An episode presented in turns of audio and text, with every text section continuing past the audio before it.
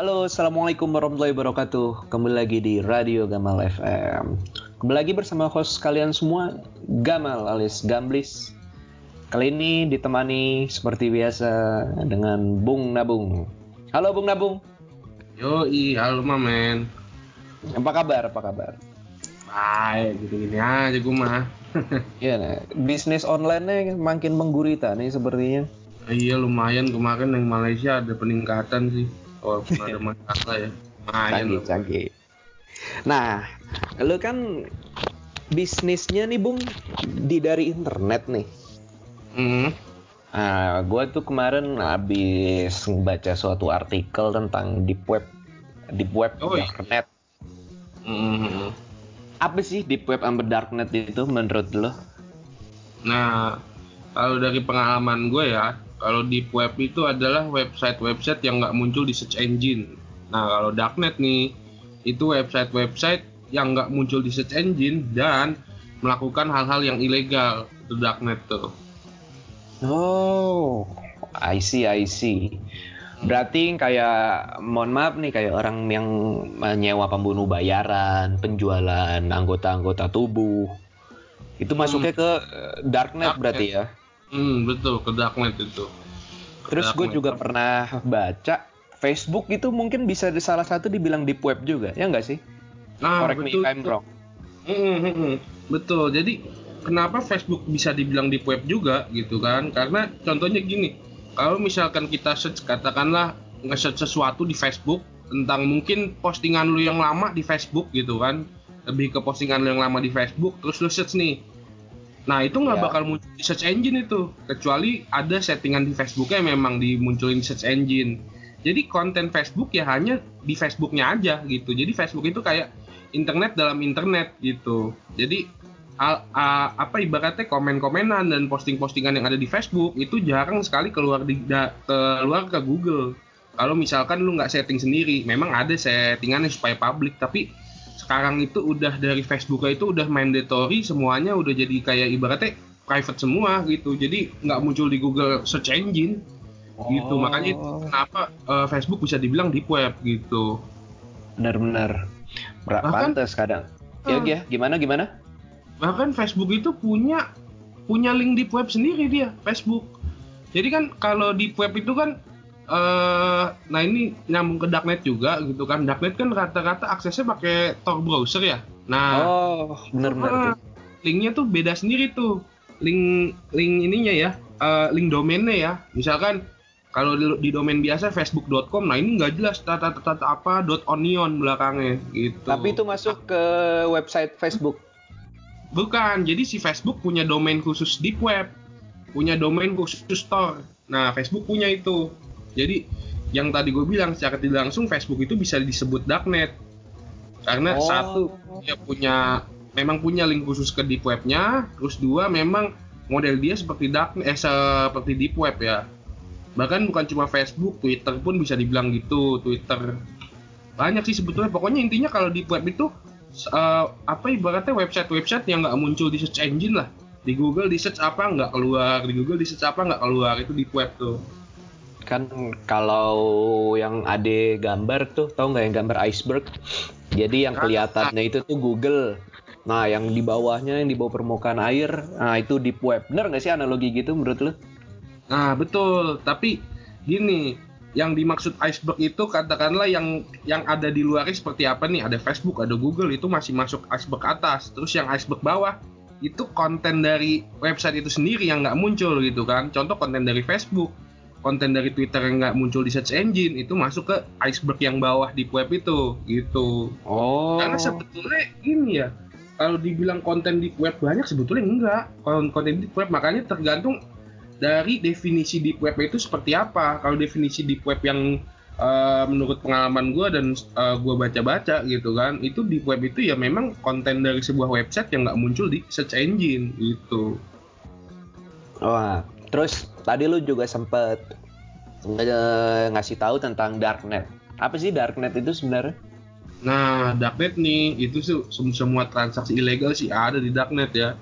Tapi memang ada ini juga sih, ada hal-hal yang dilarang juga di darknet juga ada gitu kan. Jadi tempat buat transaksi ilegal kayak biasanya yang sering gue temuin tuh kayak fake ID, fake ID tuh kayak KTP palsu dan KTP-nya KTP Amerika tuh gila gue bilang KTP palsu terus uh, macem-macem lah intinya gitu kan intinya semua hal-hal ilegal ada di situ terus ada juga yang model forum isinya rasis terus orang ngata-ngatain white supremacist gitu kan feminis segala rupa yang bener-bener radikal ada semua di situ tuh di darknet tuh berarti yang gue tanggap nih darknet itu adalah undergroundnya internet. Betul, underground internet. Kayak misalkan contoh kalau di Twitter kan kita ngomong tentang rasis, suka tiba-tiba di ban gitu kan Twitter. Terus misalkan lu jualan hal-hal ilegal di ban juga gitu. Nah ini di darknet khususnya di forum 8chan ya 8 CHAN itu okay. di situ forum semuanya ngumpul semua itu. Orang-orang yang bicarain A sampai Z pokoknya yang biasanya ilegal terus tabu diomongin semua di situ. Kayak ini child children pornography pedofil tuh ngomongin di situ tuh. Terus apa lagi? Uh, ya yang yang tadi rasis ngata-ngatain agama semuanya ada semua tuh. Di 8 oh, itu ya. Anjir, berarti bener-bener undergroundnya undergroundnya internet dia berarti. Yang nggak menurut gua kita pun harus mempunyai apa ya uh, kayak layer-layer kita terus layer-layer tersendiri kita kayak buat untuk masuk ke situ. Kayak kalau kita nggak kuat, kita mungkin bisa kayak Jaka, trauma gitu ya nggak sih? Iya betul betul itu bener banget itu bener banget itu. Jadi kita mau masuk darknet juga kita harus punya ibaratnya ideologi sendiri. Gue di sini mau ngapain? Gue mau penasaran, gue mau lihat-lihat atau lu mau transaksi. Transaksi pun harus hati-hati gitu karena ada beberapa kasus, ada beberapa kasus kemarin banyak banget tuh tahun 2016 mereka mungkin baru pertama kali ngeliat di web kan orang Indonesia uh darknet ada jual ganja ada jual ini diimpor biji ganja. Iya ketangkep anjing. Dia impor biji ganja langsung dari Belanda. Soalnya dari Belanda di ini banget di apa diliatin banget sama bea cukai. Terus dia ngimpor udah kayak beli online doang biasa gitu kan. Dia nggak ada pertahanan ini nggak ada pertahanan ini. Nggak ada ibaratnya kalau biasanya orang ada sistem tektokan tuh. Jadi dari Belanda dikirimin dulu ke Prancis misalkan dari Prancis dikirim ke Indonesia di Indonesia juga itu gudang baru setelah aman diambil. Nah ini nah itu yang gue bilang harus hati-hati. Memang ada transaksi bisnisnya besar gitu kan potensinya besar. Tapi kalau kita nggak hati-hati misalkan kita mau melakukan sesuatu ya pasti ntar bakal kena apesnya apa pun itu gitu kan. Kalau ibaratnya masuk yang kayak agent gitu nanti ada yang di radikal. Terus yang kayak kemarin Echen juga kan yang sempet ke band bukan sih? Hmm, kemarin ke band gara-gara isinya ini apa kasus penembakan yang kemarin di Oregon, Dayton. Jadi mereka sebelum ini, sebelum nembak, mereka curhat dulu di situ kenapa dia mau nembak gini gini gini gini gitu kan. Terus pada dihore-horein di situ udah kayak orang jihad istilahnya, udah kayak orang jihad bener-bener kan habis itu tembak-tembakin tret tret tret tret besoknya pada hore-horean di situ wah gila lu kita masuk koran gini gini gini gitu Buset, kayak jihad bener. Cuma bedanya itu jihadnya jihad white supremacist kalau itu sih. Oh. Gue bilang agent. Dan nah, agent oh. ya tadi di Google agent nggak muncul. Dia mesti ada di dia bisa sih connect ke le lewat browser biasa, bisa connect agent gitu kan bisa, tapi di Google nggak muncul gitu nah, aja. Oke, okay, gue mau tanya nih Tadi hmm. lo udah bilang nih banyak. Nah, gimana sih how to get into the deep deep web or darknet? Gimana sih caranya? Hmm. Kan ada yang gue tahu nih kita harus pakai browser khusus, terus kita harus persiapin firewall firewall internet dan kom komputer hmm. atau PC kita tuh lebih dari yang normal. Bener gak sih? Gimana sih caranya tuh? Betul banget, betul banget itu. Untuk masuk ke darknet itu ya sebetulnya bisa kalau kita mau masuk doang sekedar lihat nggak masalah lu tinggal install Tor browser install Tor browser terus ada uh, nah ini domainnya itu untuk darknet itu berubah-ubah. Domain darknet dan deep web. Dan belakangnya itu .onion kan? Jadi ada satu website di situ dilisin semua tuh. Namanya websitenya dark.fail dark.fail di situ ada semua tuh. Misalkan lu mau nyari forum ini. Forum ada lagi forum selain AdChain tapi ini forumnya namanya Dread ini Dread. Nah di, di forum ini semuanya itu lebih fokus ke transaksi ilegal. Kalau di AdChain kan tadi fokusannya yang ibaratnya radikal diskusi ya diskusi lebih ke ah, diskusi. lebih ke diskusi. Nah kalau Dread ini lebih ke money oriented. Jadi apa pun itu di, di, dicari gitu. Ini gue mau ngimpor ganja dari sini ke sini caranya gimana gitu kan. Nah di situlah uh, nah untuk masuk ke Dread ini tadi masuk ke website dark.file itu bisa dibuka di browser biasa. Nanti bakal dikasih link banyak itu yang belakangnya .onion dan link itu berubah-ubah tuh nah kalau untuk uh, ibaratnya pemula mau masuk gitu kan itu cukup install Tor browser terus buka dark.file terus langsung connect aja nggak perlu pakai VPN karena kemarin ada uh, temuan baru sih di forum sama anak-anak itu ada temuan baru. Jadi ternyata kalau kita pakai VPN itu nanti kayak ada ibaratnya apa ya? Jadi kelacak istilahnya. Jadi cukup Tor browser aja nggak usah pakai internet, eh nggak nggak usah pakai VPN. Itu yang baru ada temuan baru tuh.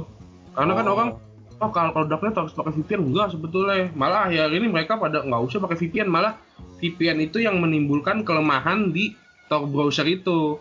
Karena Tor browser udah perfect istilahnya kayak gimana analoginya ya. Kayak Indomie goreng udah enak terus lu tambahin saus yang banyak kan jadi kagak enak gitu kan. Bangsat ngapain Indomie anjing? Gitu. Ya analogi biar kagak gitu pusing gitu kan oh. nah tapi untuk transaksi yang lebih dalam lagi misalkan mau masuk lagi transaksi yang lebih dalam wah itu sih lebih ribet lagi tuh layer-layer ibaratnya ada beberapa hal yang harus dipertimbangkan. Contoh dari operating system. Mereka makanya bukan Windows kalau operating system buat darknet. Kita Apa, pakai biasanya namanya buka iya Linux base, Linux base tapi kita namanya Pure. pakai Tails OS. Apa? Oh, gua kira Pure, Pure OS. Bukan. Bukan. Ada oh, apa namanya? Ada Tails, Tails, T A I L S. Oh, ekor Tails. Ah, Tails ekor Nah lu search di Google Tails saja langsung keluar tuh. Tails Privacy for Anyone Anywhere. Itu OS-nya nggak bisa ditembus karena kalau lu masuk ke darknet terus lu mau transaksi dan bagaimanapun gitu kan terus pakai Windows ya itu sih wassalam soalnya di Windows itu sebetulnya mereka e, ngelog macem-macem. Jadi mereka tuh ngambil data lu secara lu nggak sadar macem-macem diambil gitu kan. Nah detail sini itu bener-bener nggak ada data yang diambil flash gitu kan. Itu Linux base dan itu bisa diinstal di flash disk tuh. Jadi biasanya kalau gue tuh install Tails bisa juga Cubase OS Unix tapi gue lebih prefer ke Tails karena lebih gampang aja.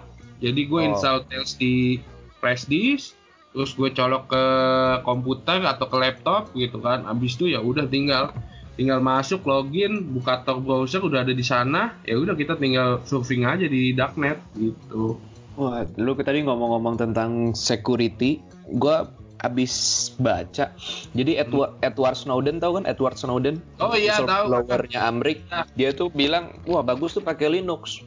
Karena Linux tuh kayak apa ya? Firewallnya itu kayak nggak akan mengirimkan informasi ke server-server luar tanpa izin dari si OS tersebut. Makanya bagus banget hmm. gue baca Edward Snowden tuh nah gue lihat Linux dia Linux base tapi namanya Pure OS apa gue lupa gitu Pure OS ya coba iya Pure OS anak-anak sih biasanya makainya Tails anak-anak hmm oh ya ini untuk privacy and security juga sih oh baru ini kayaknya iya baru masih baru anak-anak belum pada tahu sih Oke oke, OT nih kita nih.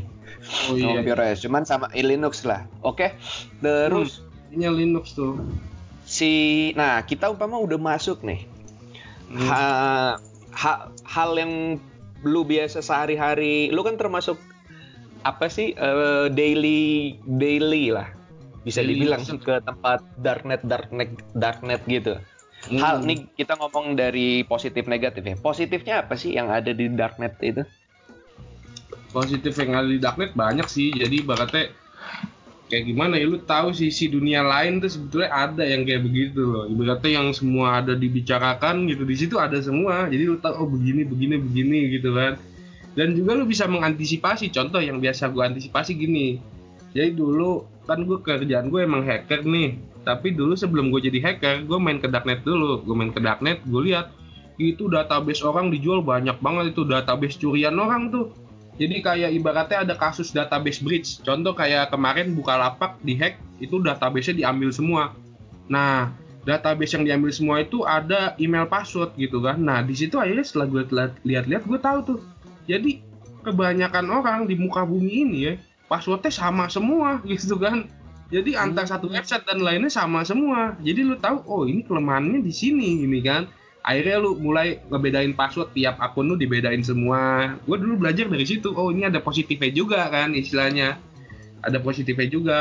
Dan kalau memang lu masuk bisnis yang gelap-gelap ya di situ sih positif semua kalau Positif untuk hal yang negatif berarti. Iya, kalau Ya. masuk yang gelap-gelap mah. Heeh. Kalau negatifnya ya banyak. Kalau yang gua pernah lihat tuh dia tuh banyak jual-jual hal-hal aneh gitu. Maksudnya hal yang paling ini ya, yang pernah gue baca itu, wah gua kalau ngomongnya aja kayak anjir apaan sih ini child pornography gitu. Terus dia live live webcam tapi child pornography. Tahu nggak lu? ah, ada. Itu Apa kalau ya? child pornography sekarang modelnya beda lagi tuh sekarang. Mungkin dulu tuh. Sekarang modelnya biasa di Bangladesh, India, terus di Vietnam, Kamboja. Jadi eh, apa ya? Jadi orang sono terus mereka bayar nih bikinin video bokep eh, ibaratnya bocah ngewe sama tante-tante kayak kayak dulu pernah kan tuh muncul tuh yang di Indonesia yang bocah Iya. ngewe sama Iya. tante-tante. Nah, itu pesanan darknet tuh. Nah, videonya dibikin, dijualin di darknet bisa sampai 30 juta satu video gitu kan. Gitu emang banyak banget sebetulnya di darknet nih. Tapi Berarti- untuk itu untuk apa namanya? Hmm, kayak ibaratnya yang tadi lu bilang tuh ada transaksi tubuh sebetulnya udah nggak ada transaksi tubuh sih sekarang jadi mereka lebih ke fokus narkoba sama yang hack-hackan. Udah dua itu fokusnya tuh. Narkoba sama hack-hackan udah. Sama yang Oh. palsu-palsu dah. Uang palsu ada. KTP palsu ada gitu kan. Lebih ke situ sih. Child pornografi ada tapi nggak begitu banyak. Soalnya kita juga sebel juga ya sama orang kayak gitu. Soalnya kan Iyalah. orang jahat juga suka pedo gitu kan. Malah pada Orang- kesel juga orang jahat juga ya bukan gue ngebela orang jahat tapi orang jahat juga punya Orang. lah line lainnya dia itu semana sih? Maksudnya garis batas dia. Nah, garis batas moral terus ibaratnya emansipasi humanity. Pokoknya yang humanity juga kita punya gitu. Kalau semerta-merta kita jahat uh langsung ngewe sama bocah. Emang kagak juga. Soalnya yang terkenalnya dulu paling terkenal banget awal meledak mulai wow deep web darknet itu setahu gue dua hal itu Nah, soalnya itu Yang hal yang paling meledak. Mm, betul. Itu hal yang paling tabu di masyarakat dan di web menyediakan fasilitas. Akhirnya ya masuk lah yang model-model pedofil gitu. Banyak itu di deep web gitu. dulu tuh gue sempet ini loh sempet kayak ah di deep web darknet orang Indo mah belum nyampe pikiran gue tuh selalu begitu ternyata wah gila mungkin menurut gue ya teroris-teroris yang itu mungkin juga eh, transaksinya atau apa apa mungkin dari darknet juga mungkin gak sih kasarnya beli senjata buat ini inian Bisa senjata ada beberapa senjata. Tapi kalau senjata di darknet sekarang lebih eh, ke arah 3D printing sekarang. Jadi mereka jual ini, jual apa? ya? Jual file, filenya isinya eh, so, eh, ap- apa ibaratnya? Eh, mentahan ya kayak- mentahan ya ah, ah, ah, ah. mentahan untuk bikin 3D eh un- untuk bikin senjata 3D printing dijual sama mereka kita beli kita punya 3D printing tinggal kita print udah jadi pistol mereka juga udah update juga tuh gitu Bener. Soalnya kasarnya yang tadi bilang chat pornografi udah ada yang mesen ke Indo. Berarti orang Indo tuh tahu kasarnya how to Ya. sell, how to make money in darknet. Mm, mm, mm. tapi jujur aja ya walaupun memang ada memang yang tahu tapi itu juga masih dikit banget sih orang Indonesia yang tahu tentang darknet dan deep web terus aktif di dalamnya itu masih dikit mungkin mereka sekedar tahu terus ada kenalan satu terus jadi bisnis gitu tapi untuk yang yang mereka sampai komunitas ada di situ ngobrol di situ gitu itu masih sangat jarang banget di Indonesia nah ini yang mau gue tingkatin juga sih di antara hacker-hacker Indonesia gitu kan. Jadi eh eh gue juga rada ngenes juga sih hacker Indonesia. Buka grup di Facebook saat gue bilang. Kenapa lu nggak buka darknet gitu kan? Hmm, itu yang pengen gue iniin juga karena untuk darknet gitu. Karena kan hacker ini udah ya memang ibaratnya udah negatif gitu kan. Ya lu negatif ya harus hati-hati juga lah istilahnya gue gitu. Jangan di Facebook Facebook juga lu bikin grup gitu kan gitu Nah, ngomong-ngomong tentang bisnis nih. Bisnis, orang incer bisnis pasti pengen duit dong. betul Nah, transaksi duitnya tuh gimana?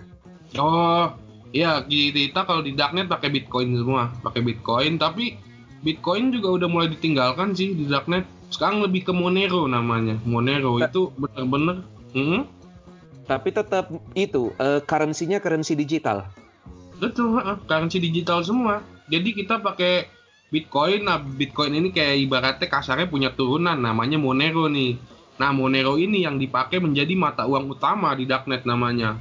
Kenapa pakai Monero daripada Bitcoin? Karena Bitcoin eh apa ya transparan Bitcoin tuh lu nyari semua transaksi tinggal buka blockchain.info ada semua di situ. Tapi kalau Monero semua transaksi itu nggak bisa dilacak gitu. Nah, jadi ada ibaratnya eh indikasi dari dulu ya, ada indikasi dari dulu. Orang kan kayak eh, si Pablo Escobar aja ketangkep dari aliran uangnya gitu kan. Nah, jadi Hmm. ada kebiasaan FBI itu kalau mau nangkap orang tinggal follow the money aja, ikutin aja aliran duitnya ke mana ntar ketangkep gitu kan. Nah, ini yang orang-orang darknet akhirnya tahu nih, oh kelemahan kita di sini nih. Duit kita nanti bisa dilacak dan akhirnya kita ketahuan bagaimana caranya. Nah, akhirnya dia bikin sebuah currency yang di mana duitnya nggak bisa dilacak tapi bisa orang saling ngirim saling nerima gitu kan itu saling bisa gitu kan tapi bener-bener nggak bisa dilacak Oh, nah kan bisnis based on trust ya nggak? Hmm, Nah, dan Monero ini kan lu bilang nggak bisa dilacak. Berarti orang-orang darknet ini walaupun tanda kutip dia jahat, tapi dia tuh menjunjung tinggi etika bisnis gitu. Ya, iya nggak sih menurut gua? Iya nggak sih Betul. menurut lu? betul. Jadi gini ada namanya trusted system ada namanya trustless system. Kalau trusted system itu kita mempercayakan uang jasa atau barang kita kepada orang lain. Tapi kalau trustless system itu benar-benar semuanya saling nggak percaya gitu kan? Jadi antara pembeli penjual itu harus nggak percaya. Terus bagaimana supaya mereka nggak percaya tapi transaksi tetap berjalan? Nah di situ adanya sistem dengan sistem yang baik darknet bisa berjalan dengan baik gitu kan. Nah itu dia pakai trustless system. Kayak ibaratnya Tokopedia lah Tokopedia. Tokopedia juga kan kita sekarang udah percaya-percaya aja kan. Kenapa? Karena udah ada sistem rekbernya gitu kan. Sistem Oh. rekber oleh mesin dan bukan oleh orang. Nah itu yang terjadi di darknet juga istilahnya. Jadi da di darknet market namanya ya di darknet market itu ada kayak topetnya barang gelap tuh ada Tokopedia-nya barang gelap tapi lucunya gini ya lucunya. Jadi di darknet tuh biasa banget gini. Kalau ibaratnya gini ya lu beli barang di Facebook atau di mana lah gitu kan beli barang lu ditipu nih. Kan yang yang hilang penjualnya nih misalkan lu beli barang di Tokopedia lah. Terus lu bisa Oke. ditipu lah. Kas kasarnya ternyata lu di Tokopedia ditipu. Terus penjualnya kabur. Nah kalau di darknet ini beda lagi. Lu beli barang sama penjual. Nah penjualnya udah percaya lu udah percaya. Thread nah yang nipu siapa tokonya yang nipu ibaratnya Tokopedia-nya yang nipu kabur langsung Oh. semuanya Oke, berarti to, to- apa sih marketnya yang nipu? Iya, Supermarketnya. kita nipu. Heeh, namanya Gimana kalau gitu tuh? Nah iya kalau udah kayak gitu ya udah direlain aja. Soalnya kadang-kadang banyak juga ada yang exit scam. Terus ada dulu yang ramai itu 2017 tuh. Wah itu bener-bener eh ini banget ya apa yang ngebikin di web kemarin tuh jatuh banget tuh 2017. Jatuh Kenapa? semuanya. Jadi 2017 eh jadi gue bicara sejarah di web dulu nih ya. Eh se- sejarah darknet. Dulu ada pasar namanya Al eh ada pasar namanya si ini, si siapa? Silk Road. Pernah denger kan? Silk Road Pernah, Market. Nah, itu kan Nah, itu yang paling terkenal itu dulu tuh Silk Road. Ah, ah, ah, itu dari 2008 tuh. Silk Road Market itu yang punya si siapa namanya ya? Gue lupa deh. Nah, si Ross Ulbricht yang punya nih, yang punya si Ross Ulbricht. Dia dulu ke, ketangkep nih. 2013 dia ketangkep si si si, si ownernya Silk Road ini yang dulu paling rame tuh. Itu juga yang membuat Bitcoin naik itu tuh di si Silk Road tuh. Habis itu dia ketangkep.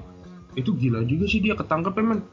Dia kena double life sentence, bayangin dua hukuman seumur hidup plus 30 tahun Aduh, gimana ya anjing gue bilang Berarti dia payrollnya minimal dua kali tuh.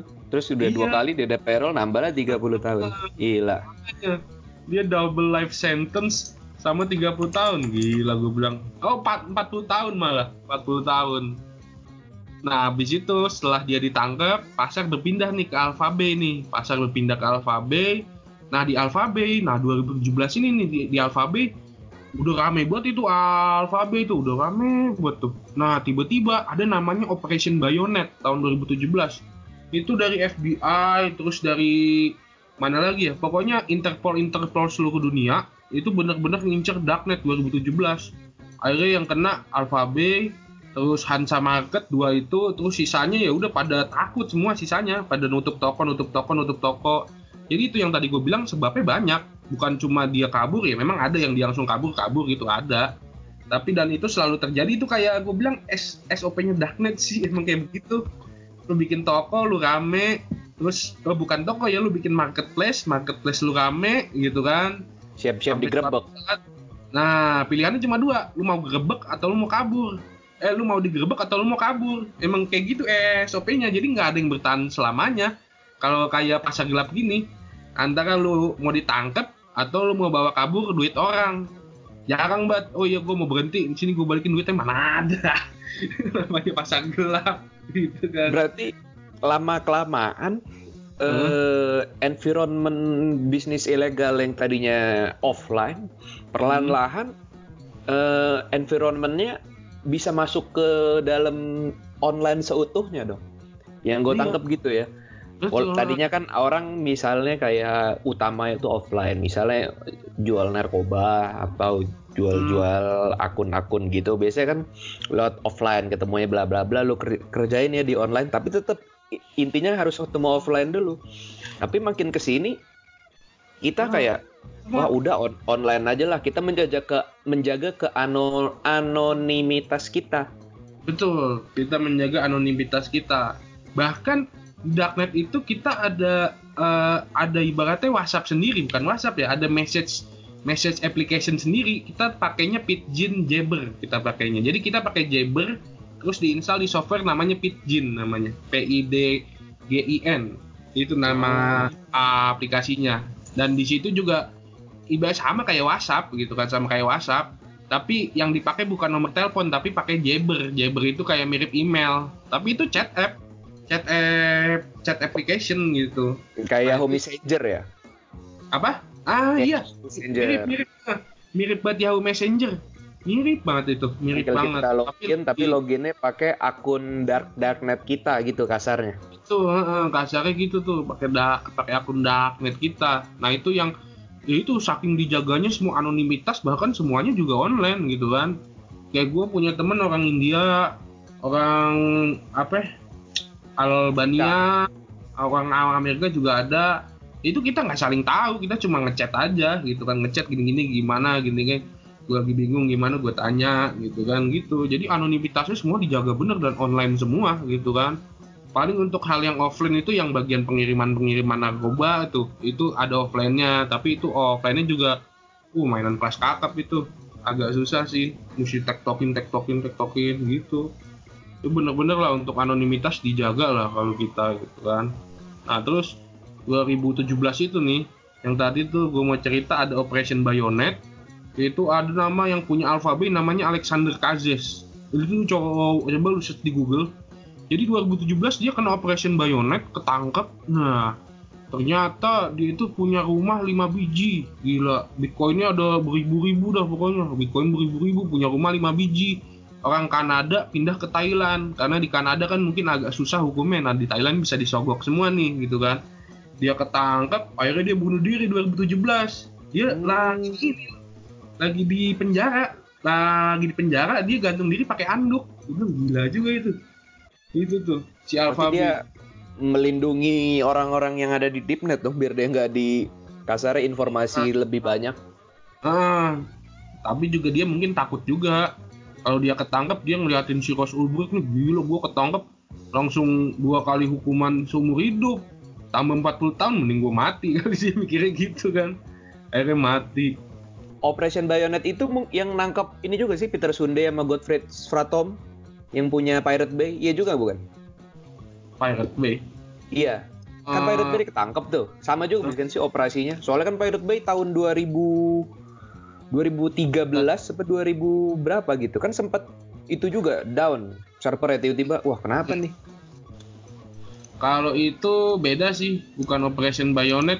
Itu kalau itu pernah ada sih ini yang ketangkep tuh Pirate Bay sama ada lagi yang ketangkep si Aduh, ada tuh satu lagi.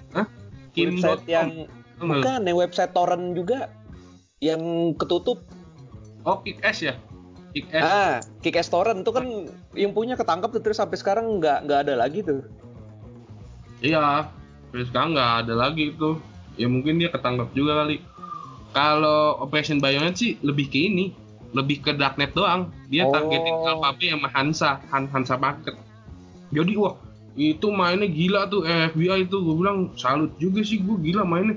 Jadi eh, waktu itu 2017 ada dua pasar nih yang rame, Alphabet sama Hansa Market nih. Nah dia jalanin nangkep dulu si Alphabet, terus udah ditangkep, mereka tahu bakal kalau Alphabet down itu nanti user-usernya, vendornya, buyernya itu bakal pindah ke Hansa Market. Jadinya dia langsung dari awal nge-track dua itu Hansa sama Alphabet. Jadi begitu user pindah nggak nyampe 10 hari, pokoknya setengah bulanan langsung Hansanya mati juga, blur. Wah, kita ke ini nih pas itu kita panik kan, uh, pindah ke mana nih, pindah ke mana anjing. Forum terus juga Reddit. Waktu itu kan dulu gua ngumpulnya di Reddit ya. Ngumpulnya di Reddit. Ada dulu namanya Reddit Air Darknet Market tuh. Gua ngumpulnya di Reddit. Itu juga di ban juga tuh sama si Redditnya. Sub sub Redditnya di ban blur gitu. Akhirnya bener-bener hilang gitu loh. Bener-bener ibaratnya buat komunikasi kita nggak ada. Buat jualan kita nggak ada. Terus eh, dicari FBI semuanya gitu. Jadi bener-bener kalap kita pas itu. Tapi Bener-bener untuk sekarang- nyari aman berarti ya. Mm-mm. Bener-bener nyari aman akhirnya pada kalap terus pada dia bilang kita berhenti dulu dah sebulan sambil kita bikin framework segala rupa gitu kan sistem-sistem apa. Akhirnya mulai dibikin-bikinin lagi mulai sekarang udah lumayan lagi. Terus kemarin juga 2019 ketangkep tuh. Jadi dulu kalau lo mau masuk eh, darknet itu ada website namanya deep.web.com Oh, coba buka deh deep.web.com iya. Udah. Nah, itu coba bu lihat deh deep.web.com. Nah, lu lihat tuh tulisannya d e e p d o t w e b.com. Buka deh. Di gua nggak bisa nih. Ah, oh nggak bisa. Nggak ada gua deep. Oh, Iya. deep.web.com ya ya. Udah udah. Udah. Ada tulisan this site has been seized. Iya, sama FBI, Nah, Department of iya, iya. Justice, Europol, NCA. Wah gila, ya sampai yang Iya. Jerman juga keluar dong. Ini oh, Operation Bayonet dulu lebih gede dari ini. Ini mah cuma cari-cari ini 2019. Jadi di di .web sama kayak yang dark.fail tadi yang gue bilang. Tapi sebelum dark.fail ada, nah orang-orang pada ke sini buat eh, menghubungkan ibaratnya nyari domainnya, terus ibaratnya eh, orang darknet ngumpulnya di mana aja nih gitu kan kayak information center lah. Jadi kalau mau masuk darknet, masuk information center dulu di deep.web tuh dulu tuh. Nah tiba-tiba ya ditangkap nih 2019 kok masih 2019. Akhirnya sekarang pada ke dark.fail. Itu sama in- information center juga tapi nggak serame deep.web. Deep.web tuh sampai wah bener-bener kayak detik.com tapi isinya darknet maksud gue bilang. Jadi kayak dia itu forum forum berita ya, tapi untuk darknet. Iya, eh, eh, kayak forum pemerintah sama ini information center tapi untuk darknet. Misalkan si vendor ini ketangkep, eh, dia gobloknya di sini nih, tolol banget gituin tuh. Supaya kayak kayak gini kalian harus hati-hati gini-gini. Oh, gue bilang seru juga tuh nongkrong di situ tuh. Nah, Ah, oh, tadi kan kita ngomong positif negatif nih, Dit. Ah, uh, Nah, sih. Kalau orang-orang awam ma- Hmm. masuk ke apa masuk ke deep web lah, belum darknet ya, masuk ke deep web. Bahaya, ada bahaya apa enggaknya nggak sih? Deep web, darknet Ah, ada untuk bahayanya. orang awam. Itu. Ada bahayanya itu kalau lu mau cari informasi di darknet tentang ibaratnya lu mau ma- ibarat mungkin lu mau masuk dunia gelap gitu kan, cari informasi atau misalkan lu orang awam juga yang pengen lihat-lihat hati-hati kalau download. Kalau download hati-hati karena kebanyakan virus di darknet. Banyak virus. Jadi Hmm. begitu lu klik tek tek tek Uh, semua email, password segala rupa keambil semua tuh sama dia. Bus gitu. Gue pernah kena tuh. Bangsat gue bilang. Gue kan memang gue lagi nyari software di darknet terus oh ini softwarenya gue download thread thread gitu kan. Gue dulu masih cupu tuh gue nggak tahu apa-apaan thread thread gue langsung ke hack gue blood semuanya hilang Zat. bukan langsung semuanya hilang gimana itu? Jadi tiba-tiba ke hack terus tiba-tiba Gmail gue login di Ukraina bang Zat gue bilang gue ngetot anjing. Langsung ada notifikasi kan your Gmail login in new location Ukraina. Uh, bang Zat gue ganti semua passwordnya tuh untung gue tegap nih berarti apa? Sigap dulu tuh gue sigap langsung gue ganti semua. Akhirnya oh. semenjak itu password gue beda-beda semua. Yang negatifnya itu kita harus hati-hati buat download apa-apa. Ibaratnya mungkin ada lu mau nyari ini bokep uh, child pornography gitu kan. Wah ini ada di download pengen lihat bokep yang ada kena virus gitu kan.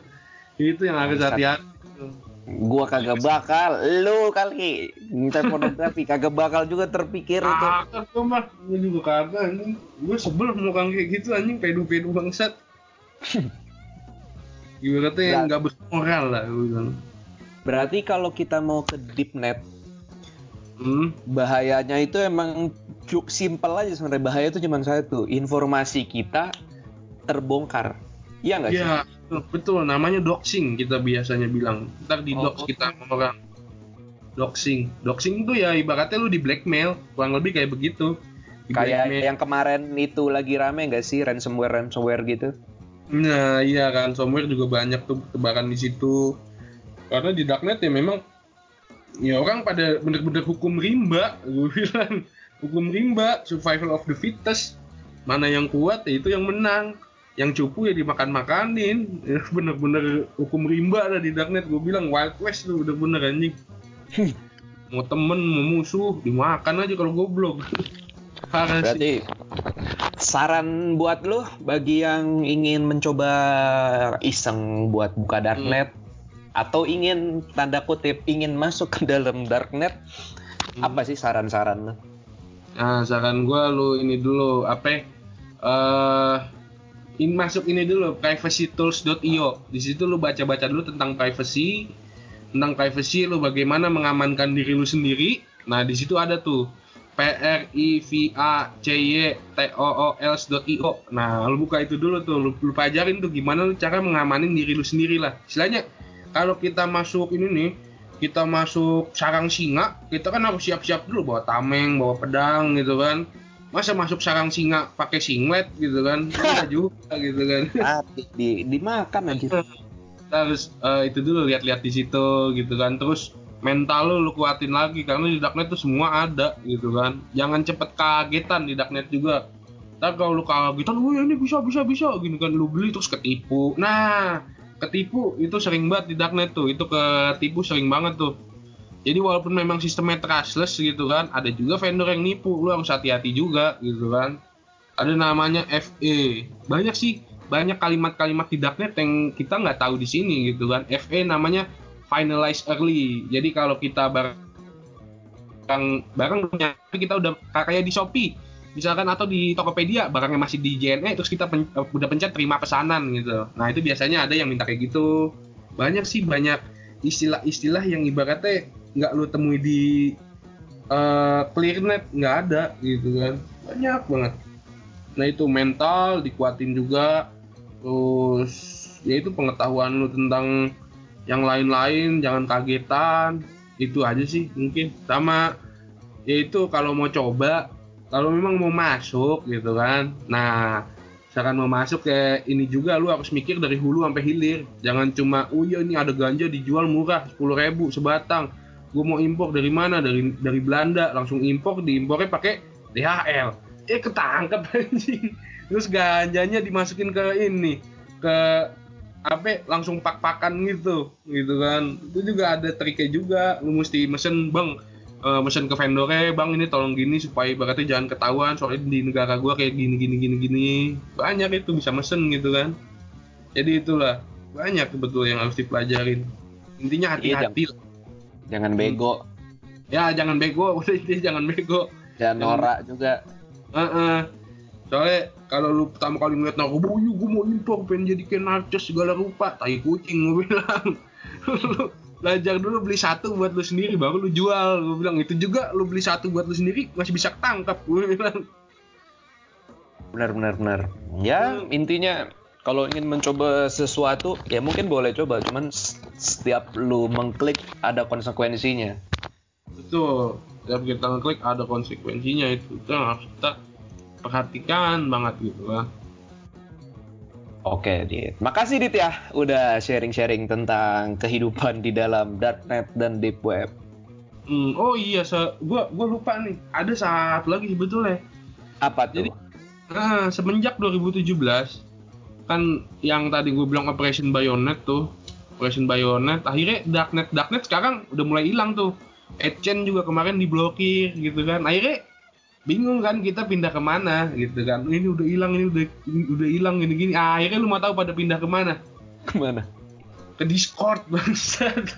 Yang buat platform gaming. Sekarang Karena... Discord udah magnet nah itu tadi jadinya pada pindah ke Discord tuh jadi karena memang udah pada kagak bisa gitu kan ini ada data dari CBS News. Coba lu search di Google Discord ilegal terus klik yang news. Tuh set tak ada dia paling atas isu dijelasin semua.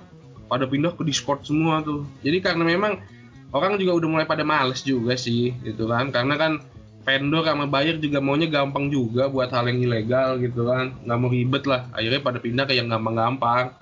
Tapi itu juga ya mengurangi tingkat privasinya iya gitu kan. Tapi untuk kemudahan transaksi jadinya lebih gampang lebih convenient mereka juga gitu. Hmm, walaupun walaupun nggak darknet yang onion apa domain union itu nggak full ditinggalin tapi hmm. perlahan-lahan mungkin trennya mau masuk ke tanda kutip clear clear net clean net itu. Ya.